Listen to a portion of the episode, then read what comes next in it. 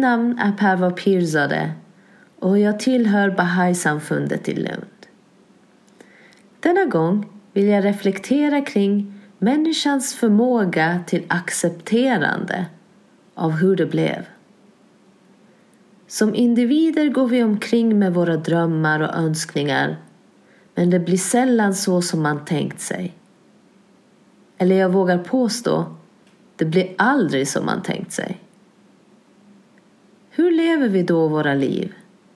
Vad gör man då av alla sina strävanden, drömmar, förhoppningar och önskningar? Och hur är det där med ödet? Vem är det som kör egentligen? Jag har ett dygdkort från The Virtues Project framför mig som beskriver egenskapen accepterande närmare. Citat. Accepterande är att omfamna livet på livets egna villkor. Vi är öppna för det som är hellre än att önska något annat. I alla situationer möter vi sanningen med ärlighet och mod. Accepterande hjälper oss att böjas utan att gå av i prövningens stunder. Vi tar lärdom och går vidare med ny visdom och medvetenhet.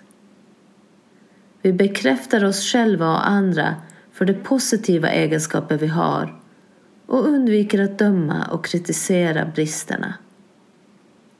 När jag accepterar mig själv kan jag ge det jag har till världen. Slutcitat.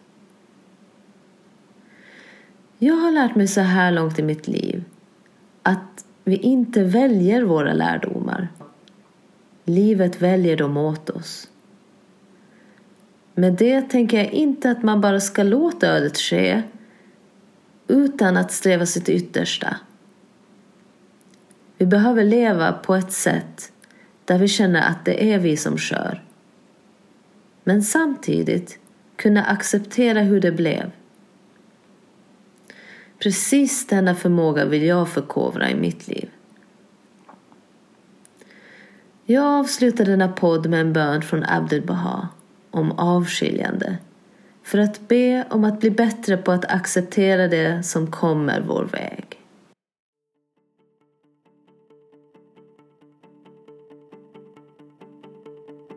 O Gud, min Gud, fyll åt mig den bägare som är avskildhet från allt.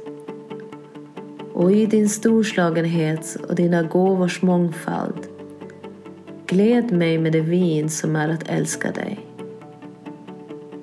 Befria mig från lidelse och begär. Bryt sönder mina bojor till denna lägre värld.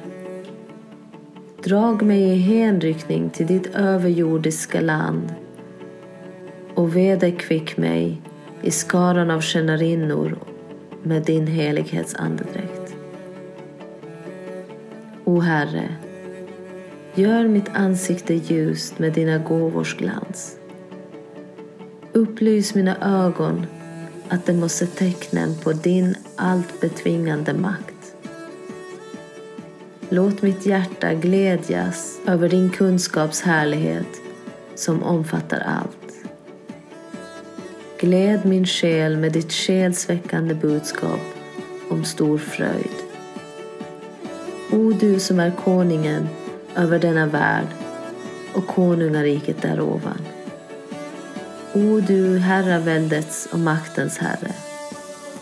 Så att jag må sprida dina tecken och bevis vida omkring och förkunna din sak och främja din lära.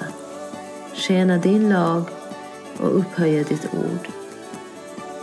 Du är i sanning den starke, den allgivande, den fullkomlige, den allsmäktige. Abdul Baha